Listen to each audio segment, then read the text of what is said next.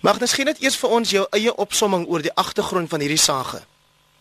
Die die die dit kom van 'n baie lang pad af. Die klein geboue was uh, gekoop deur uh, Shemax en dan gesindikeer, met ander woorde in in in stukkies opgedeel en verkoop aan beleggers met die met die belofte van 'n stabiele inkomste oor tyd en 'n en 'n stygende inkomste oor tyd.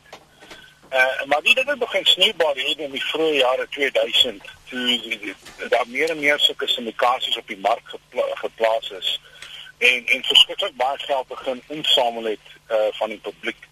Die rooi ligte het begin brand. Journaliste soos Dion Basson, Victor Clark en myself het begin 'n krap aan hierdie goeders en juist daai prospektusse gelees en gesien maar hierso is iets verskrikliks fout. Mhm. Die waardasies was te hoog, die projeksies was te royaal.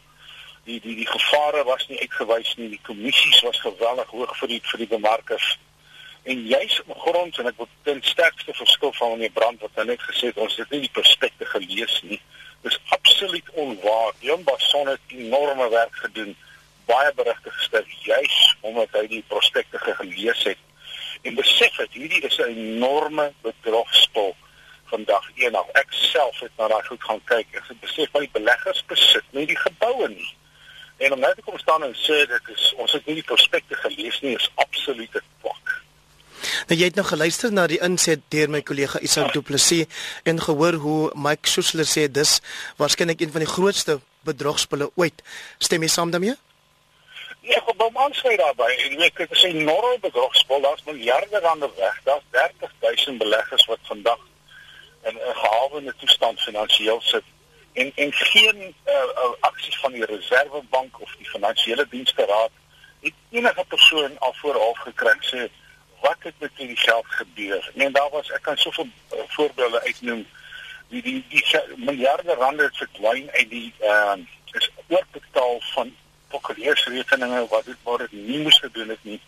Waar is die geld? Daar is nie 'n enkele persoon aangekla van van enige misdryf nie. Dit is 'n geweldige klag teen die die die die die, die gesagsowerhede in hierdie verband. Is dit reëlmatig dat twee direkteure van 'n maatskappy wat gesink het op die direksie van die reddingsmaatskappy dien en boonop sulke enorme bonusse verdien terwyl die skuldbriefhouers nie 'n sent van hulle geld sien nie?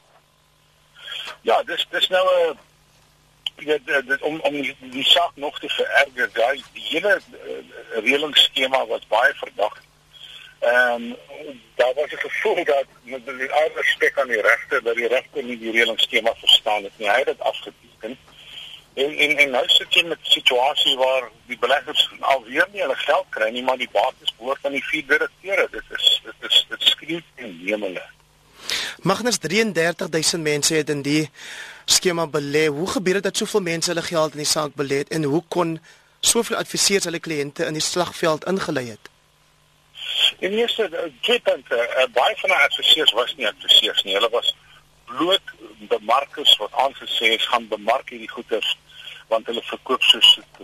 Enige gekwalifiseerde adviseur sou gesien het hierdie skema kan nie werk nie.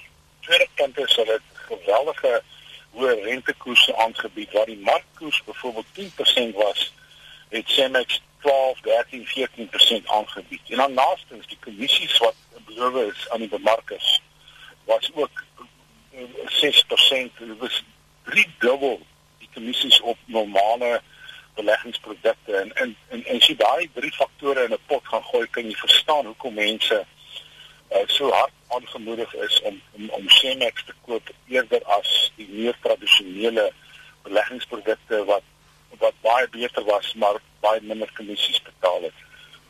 Jy het nou wel gesê dat nie al hierdie sogenaamde adviseurs wel adviseurs was nie, maar meer soort van bemarkingsmense was. Maar wat dink jy doen hierdie sage aan die beeld van finansiële adviseurs?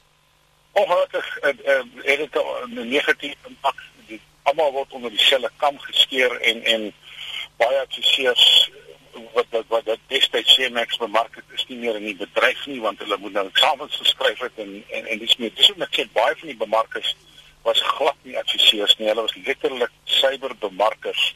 Gaan teken die mense op kry net 'n handtekening en 'n cheque. Dit was nie finansiële advies nie. Jy het vlugtig daarna verwys met die die feit dat geen van die groot visse nog hiervoor aangekla is nie want wat sê dit van ons reguleringsowerhede?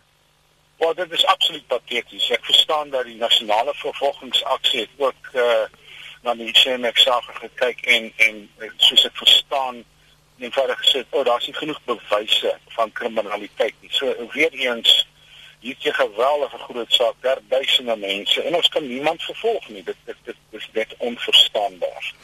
Een van die beleggers is 'n 79-jarige tannie wat nou afhanklik is van haar kinders. Is daar enige vooruitsigte dat iemand eers iets van hulle geld sal terugkry? Dan waar sê dit belê? Is dit in die villa belê of of of uh Zambesi uh, ontwikkeling en my opinie glad nie. Soos hulle gaan nou nie hulle geld terugkry nie. Van die ander wat nou onder die Nova skema val, is daar 'n baie baie klein kans dat hulle dalk so 'n bietjie kan terugkry, maar vir meeste mense as jy as jy kyk aan die aan die verlies aan koopkrag ja vir die 10 jaar, 15 jaar vergeleke met wat hulle kon gekry het as hulle by tradisionele beleggings gebly het is dit 'n insagtelike verlies vir daai mense. So ongelukkig het ek nie goeie nuus vir hulle nie. So vertel gou vir die mense wat nou nog nie in hierdie struik getrap het nie, wat is die normale manier of die beter manier om jou geld te belê? Wel jy, jy werk hier geregistreerde so en die geregistreerde adviseurs wat geregistreer is by die finansiële dienste raad nommer 1. Nommer 2 belê jy in genoteerde instrumente wat op die beurs is waar daar auditeure, kundiges, analiste wat voortdurend daarna kyk. Dit is een van die probleme van die Shemex dat dit was niemand het behalwe Shemex het uit kon uitspraak lewer oor wat werklik daar aangaan nie want daar was nie 'n mark vir daai produkte nie. So werk met geregistreerde en genoteerde instrumente wat baie baie veiliger is as hierdie. Behalwe dat ons nou 'n SMS ontvang van 'n vrou wat sê haar man het deur Sanlam belê in Shemex.